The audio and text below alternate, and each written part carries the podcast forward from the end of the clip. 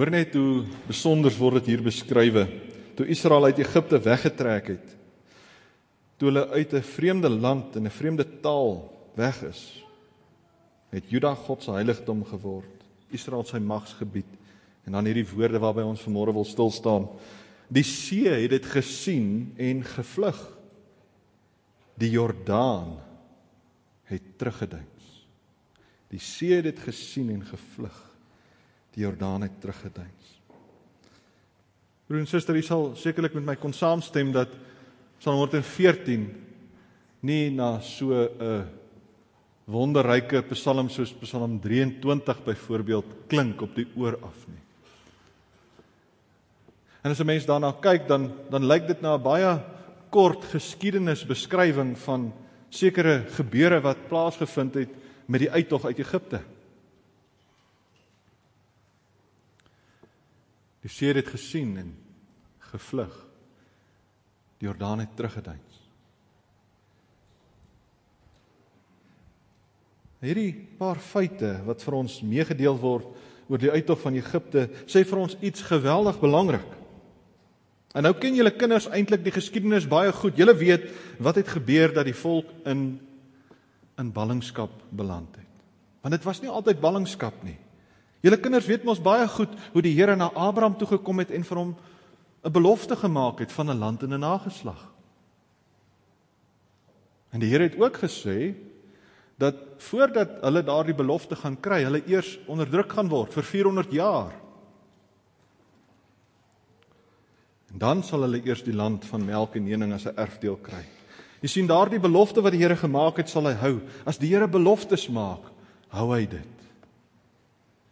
Die Here maak nie beloftes en laat dit na nie.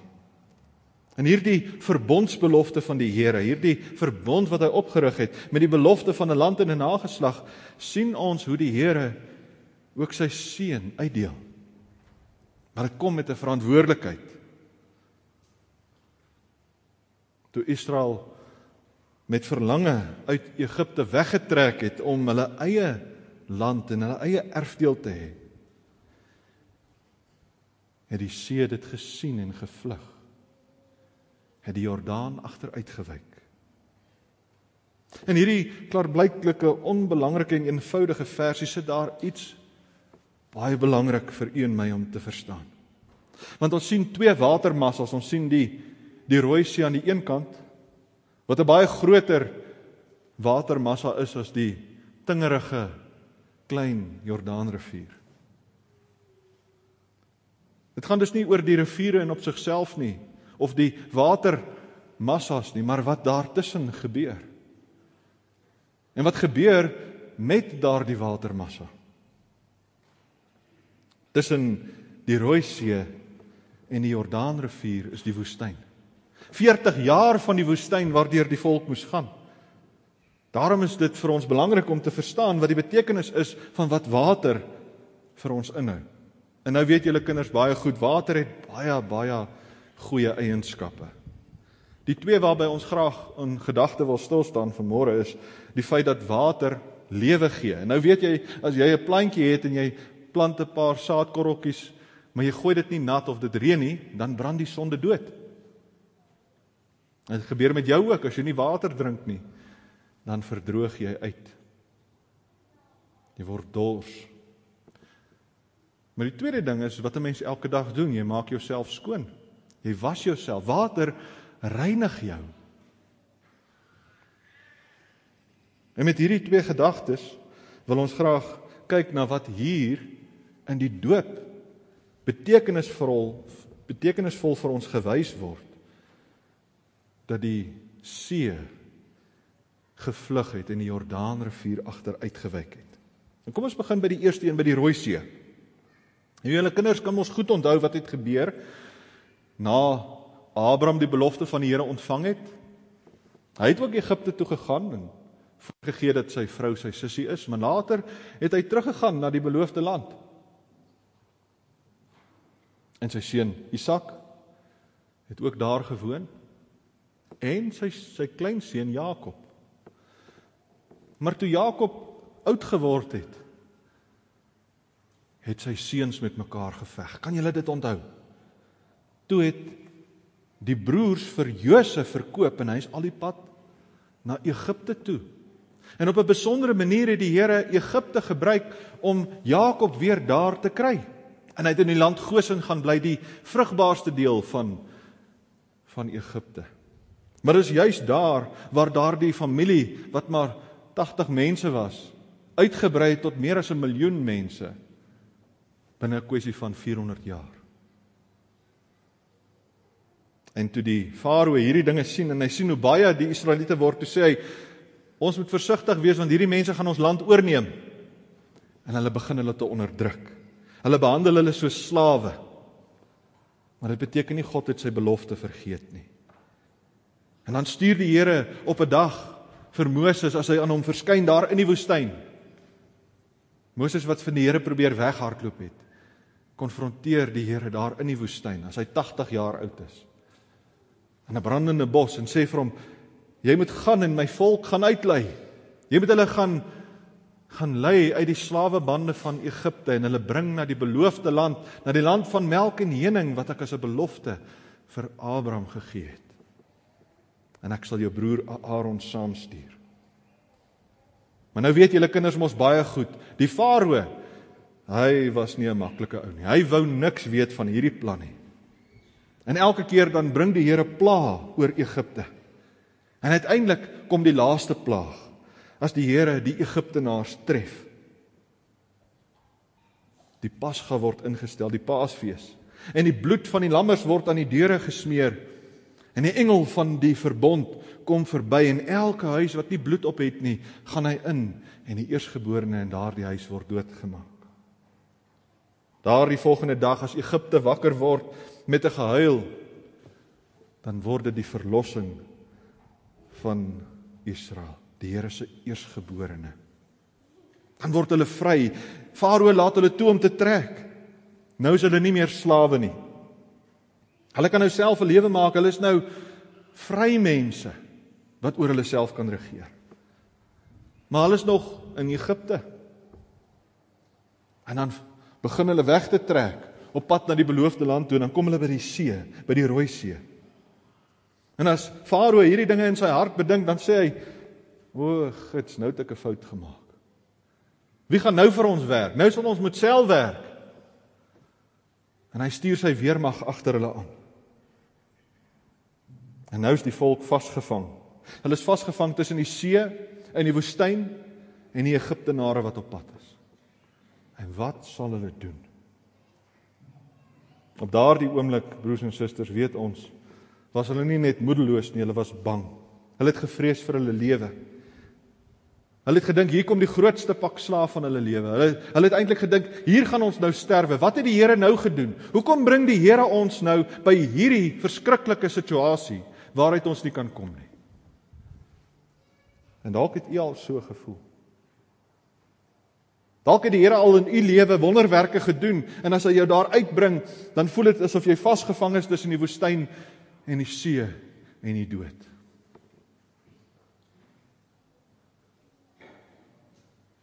En dan dink jy, hoekom het die Here my nie net maar net tevrede gelos as 'n slaaf in Egipte nie? Nou moet ek hier in die woestyn sterwe. En weet julle kinders wat gebeur? Kan julle onthou wat gebeur? As Moses tot die Here roep, dan sê die Here: "Rig jou kierie uit oor die see." En wat gebeur? Die see vlug voor God se teenwoordigheid uit. Die see sien die werke van God en dit vlug. En dan loop die Israeliete op droë grond deur daardie see wat so onmoontlik gelyk het. Dis dieselfde Here wat hulle met 'n wolkkolom en 'n vuurkolom bewaar het. Dieselfde Here wat vir hulle manna gee in die woestyn om te eet. Dieselfde Here wat met duisternis verwarring gebring het sodat die Egiptenaars nie geweet het waar hulle is nie en verdwaal het dat hulle die Israeliete nie kon kry nie. Kan jy sien broer en suster, teen alle verwagtinge in gee die Here die uitkoms op die mees onwaarskynlike wyse. En as Moses sy kierie ophou, 'n stuk hout as 'n simbool, dan sidder die see en vlug voor hom uit. Die waters maak 'n weg. En dan stap hulle op 'n nuwe pad, 'n pad wat hulle nog tevore nooit gesien het nie. Die Here is vir hulle die uitpad, die Exodus. En dan getuig die Egiptenaar self en sê: "Die Here ywer vir sy volk, die Here tree op vir sy volk, die Here stry self vir sy kinders." En so bevry hy hulle van die dood. Hy bevry hulle uit die kloue van die dood om hulle 'n nuwe lewe te gee. Hulle wat moes gesterf het word verlos. Dit is die teken van God se verlossingswerk. Hulle ontsnap uit die dood tot 'n lewe. Maar dit eindig nie daar nie, want hierdie goddelose farao kan nie dink dat hierdie volk van hom hierdie onderdaan, hierdie slawevolk kan wegkom nie. En dan dink hy hy kan op hierdie selfde pad van geloof in ongeloof loop. En daarvoor die oë van die hele volk sien ons hoe die Here hierdie hierdie watermassa wat voor die Here gevlug het in 'n oomblik laat toegaan. En hy vernietig die vyand in die dood. Dis merkwaardig broer en suster. Die uitkoms uit die benoudheid word die vernietiging van die vyand van God. Die Here maak 'n nuwe pad oop. Die Here sluit 'n nuwe weg. En nou is daar geen omdraai kans nie. Die volk kan nie weer terug deur die see nie. Al wat nou oop is, is die pad na die beloofde land. Maar dit is nie 'n maklike pad nie. Hulle is nog ver van hulle erfdeel af. En as jy al ooit daar was, broer en suster, sal u dit nie in 'n oomblik bedink. Dis selfs moeilik om met 'n kar met ligversorging daardeur te ry. Hoeveel te meer as jy met jou voete daarop moet loop. En die Here lei sy volk. Hy bring hulle by Sinai en daar leer hy hulle wat dit beteken om aan hom te behoort. Hy leer hulle wat dit is om in sy teenwoordigheid te leef. Hy stel vir hulle die erediens in en hy wys hulle op die gebooie soos wat u en ek dit gelees het om God lief te hê en hulle naaste soos hulle self. Hy versorg hulle elke dag met manna en hy woon selfs onder sy volk in 'n tabernakel in 'n tent. So gaan die Here met sy volk saam. Hy lei hulle deur die woestyn. Hy's teenwoordig in die dag en hy beskerm hulle teen die son met 'n wolkkolom en in die nag is daar genoeg lig vir almal om te sien met 'n vuurkolom.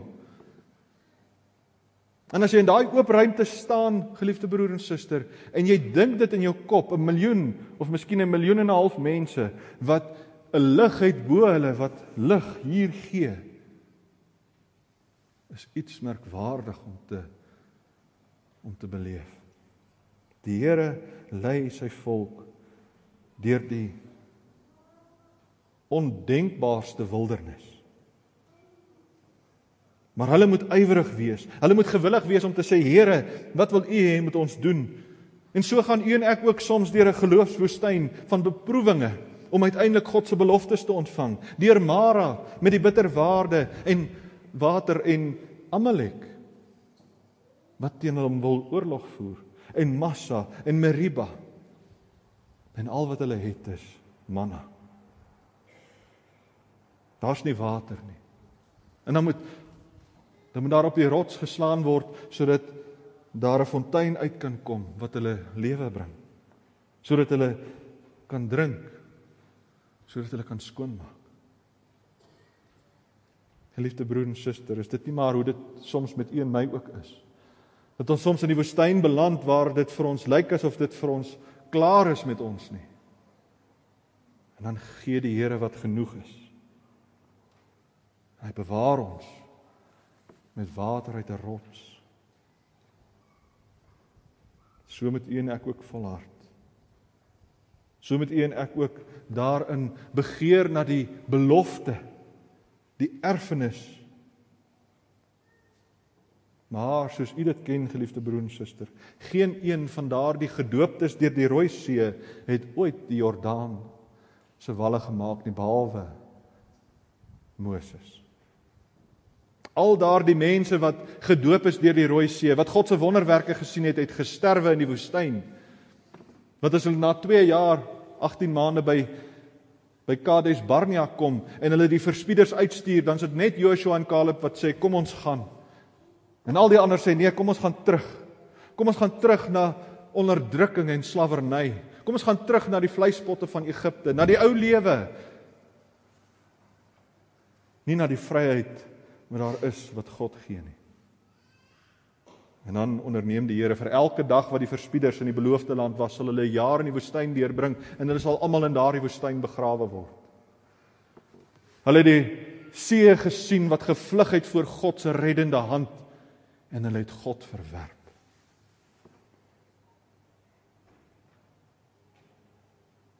Maar die Here het die wat in sy beloftes vasgehou het, gebring met krag en met hoop. Uiteindelik na 40 jaar deur die woestyn staan hierdie volk 'n nuwe geslag op die oewer van die Jordaan. Op die berg Nebo, as jy so afkyk as die dooie see hier voor jou en daar is Jerigo. En as jy net so 'n bietjie opkyk, sien jy op die heuwel Jerusalem.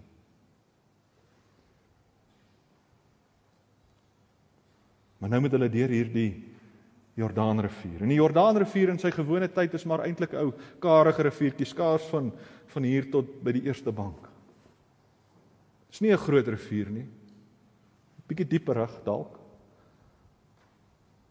Maar as jy vinnig swem is dit 3 hale verby. En nou staan die volk na 40 jaar hier op die oewer van die van die Jordaanrivier. Hulle is gereed om die land binne te gaan en die spanning loop hoog. Wat sal tog gebeur?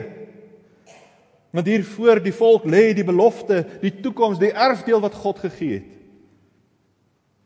Maar die Jordaan is in vloed.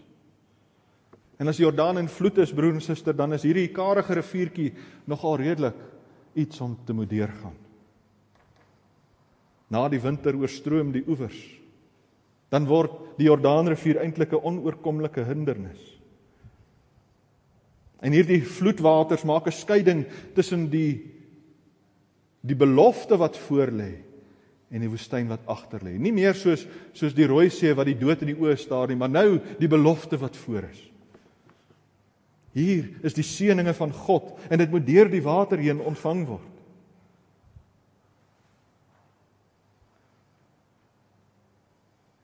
En wat gebeur broer en suster? Julle kinders weet mos wat gebeur het. Die priesters moet kom. Hulle moet kom, hulle wat die ark van die Here dra. Hulle moet voor die volk uitgaan en deur die water in die rivier inloop. En soos wat hulle voete die water nader, gaan die Jordaanrivier voor hulle oop, dit duins terug. 'n Wonder. En terwyl die priesters daar in die midde van van die rivier staan, gaan die hele volk deur. En dan doen hulle twee dinge. Hulle gaan al klippe en hulle bou daar by die voete van die priesters 12 klippe op mekaar, 'n altaar. En so ook by Gilgal. Twee monumente van God se getuienis van sy reddingswerk. 'n Monument van God se verlossing. Getuienis, die Here het hulle gebring uiteindelik by die belofte.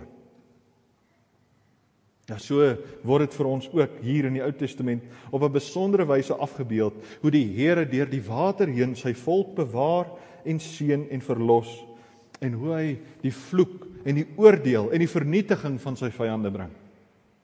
Maar dan sit nie die water nie. Dis nie die Rooi See en die Jordaanrivier wat die volk gered het nie, broer en suster, dit was die Here. Die waters Ja, sonder die water sou daar nie lewe gewees het nie.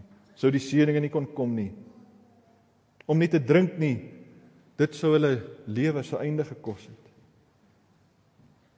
Maar dit was nie die rots waaruit die water gespruit het, daardie klip wat so belangrik was nie. Dit is uit daardie rots wat voortgekom het wat belangrik was. Die weg wat oopgebaan is deur die water heen. En dit sê ons formulier. Dit is die simbool van God se verlossing waarmee die doop afgebeeld word. Soos wat die die waters teruggeduins het en weggevlug het voor God, soos die simbool van die doop deur die water heen. Dis nie die water wat jou red nie, maar dit is waarheen hierdie simbool van die water heen wys. Die afwassing van jou sondes, die skoonwas, die reiniging van jou liggaam en jou oortredinge. Maar ook die behoud van jou lewe. As jy nie water drink nie, gaan jy sterwe. Want daardie water van die Rooi See kon hulle nie drink nie. En dit het hulle gered. Nie die water nie, die een wat die weg in die water oopgebaan het. Dis 'n beeld van die doop van God se reddende regterhand. Dat ons deur die water heen deel kry aan hierdie verlossing en die seëninge wat God gee. Dit is wat ons hoor van die engel van die verbond.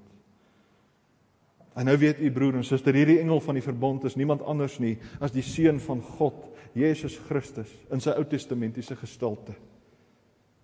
Ons sien nog nie sy volle heerlikheid nie, maar ons sien sy reddende regterhand, die simbool, die tekens wat hy vir ons gee. En dan word dit vir ons so duidelik gemaak in die Nuwe Testament. Alle onsekerheid word uit die weg geruim. Want die tekens van water word net so vir ons simbolies gebruik van die Here se reddingsdade. Net soos die water die vuilheid van die liggaam skoon was en rein maak, so was die bloed van Jesus Christus ons van ons sondes skoon. En wanneer ons deur God gereinig is, dan wil hy ons ook laat deel in hierdie seëning. Hy wil hê ons moet daaruit lewe, ons moet die water drink waardeur ons gered is. Onthou jy toe die Fariseërs so met Jesus gestry het oor die teken soos Moses by die Rooi See, dan wys hy hulle tereg. Dit was nie die waters wat hulle gered het nie, maar God.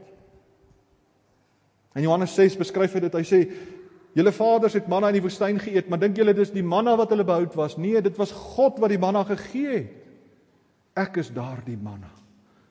Ek is die een wat julle ware lewe gee. Dit was ek wat julle onderhou het. In 1 Korintiërs 10 vers 4 dan word hierdie beskrywing gegee om te sê die volk het deur die woestyn ge, getrek en hulle het gedrink uit 'n rots. Water is vir hulle gegee en wat was daardie rots? Dit was Christus.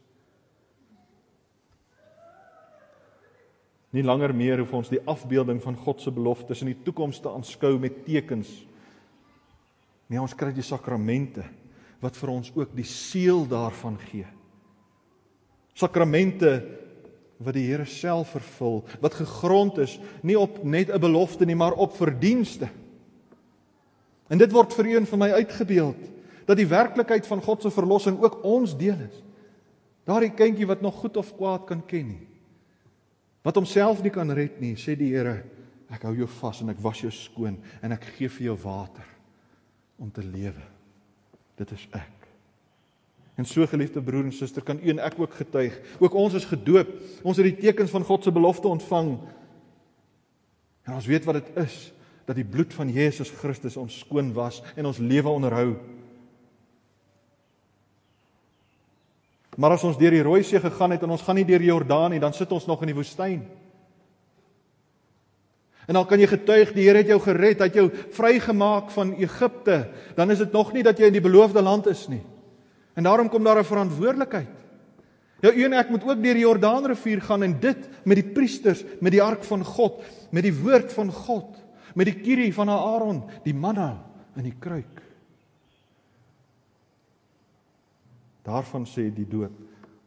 As ons die beloftes van God vat, dan moet ons dit vir ons kinders leer. Ons moet hulle leer wie is die wie is die een wat op die versoendeksel vrede en vertroosting bring. Verlossing. So word die rooi see uitbeelding van die doop. Vernietiging van die sonde, maar ook deur die rivier heen deur droë grond, die beloofde land binne. Hierdie verlossing is nie aan die water te danke nie, broer en suster. Dis nie die water wat hulle red nie, maar God. Dis nie die doop wat ons red nie, dis die God van die doop. Om gedoop te word is nie om verlos te word nie, maar dis die sleutel wat ons heenwys na Hom deur wie vir ons die ewige lewe oopgesluit word. En daarom kan ons nie net soos die Israeliete deur die Rooi See trek sonder om ook deur die Jordaan te gaan nie. Want daar's baie in die woestyn begrawe. Hulle het die verlossing beleef, maar nooit die seën ontvang nie. Die doop is 'n vermaaning en 'n verpligting tot 'n nuwe lewe. Elkeen wat gedoop is, moet onderrig word in geloof. By Sinai moet jy gaan staan en gaan leer wat dit is hoe om deur die woestyn behoue te bly, hoe om God te dien wanneer jy die beloofde land binne gaan. Elkeen wat gedoop is, moet leef uit die geloof. En nou weet jy wat so geloof behels om deur die woestyn te volhard, om die erfenis binne te gaan, om die belofte te ontvang. 'n Lewe van selfverloning en opoffering. Soms alleen onder 'n besembos. Soms saam met die volk op pad in die vreugde van die verlossingsweg. Ja, elke geleentheid moet u en ek gryp. Soos 'n herder wat sy skape deur sy woord lei. God wil dat u en ek leef uit die oorvloed, uit die verlossing. En daarom gee hy vir ons tekens om dit beter te verstaan hoe hy binne in ons werk. Maar al hierdie tekens, al hierdie simbole beteken niks as u en ek nie ons harte daarop rig, as ons ophou na die woestyn rondom ons kyk en nie ons oog hou op die riviere in die ewige heerlikheid nie. En daar sal nie 'n rivier wees nie. Nee, God self sien hoe daar 'n stroom water vloei uit sy troon. En die bome water gee in die tuin sodat ons uit God kan drink. So het hy by u en my gekom broer en suster. Hy het sy koninkryk binne in u en my kom vestig. Soos Christus getuig in Johannes 7, elkeen wat van hierdie water drink, wat uit hierdie rots drink, stroom en lewende water sal uit hulle binneste vloei. Hulle sal self deur die Heilige Gees leef in die teenwoordigheid van God. Ja, hier, hier het ons gesien 'n klein kindjie wat gedoop word, die teken van die verbond. 'n Klein bakkie water wat so diepe betekenis het. Daarom geliefde broer en suster, moet u en ek verby hierdie water kyk en ons moet kyk na die ewige hemelse heerlikheid waar die erfenis vir ons bewaar word. Meer as 'n woestynreis ver. 'n Lewende hoop waarna ons kan uitsien. 'n Ewige Jerusalem waar God nie meer in 'n tent woon nie, maar self in ons midde sal wees. Daar sal geen honger of dors meer wees nie. Hy self sal die hongerpyne van die lewe stil maak. Hy sal vir ons water gee om ons dors te les. En al is dit nog in die vooruitsig. Al is dit iets waarna ons vooruitkyk. En al is ons nog hier in die woestyn op pad, broer en suster. Al is daar baie beproewinge. Dink jy terug aan jou doop, aan daardie dag toe die Here se rooi see vir jou oopgegaan het. En jy gryp vas aan die Jordaanrivier wat ook sal uitvlug voor God se reddende regterhand. Ja, al gaan jy deur die dal van doodskade, wie moenie vrees nie. Al kom jy in hierdie lewe soveel dinge kort, by die Here sal jy nie kort kom nie. Want die Here is die een wat ons sal lei soos 'n herder, wat ons sal bring by groen weivelde, by waters waar daar vrede is. Sodat goedheid en guns jou mag volg al die dae van jou lewe. Ja, kyk, die see het dit gesien en gevlug. Die Jordaan het teruggeduins, die berge het gebokspring, die heuwels van vreugde. Amen.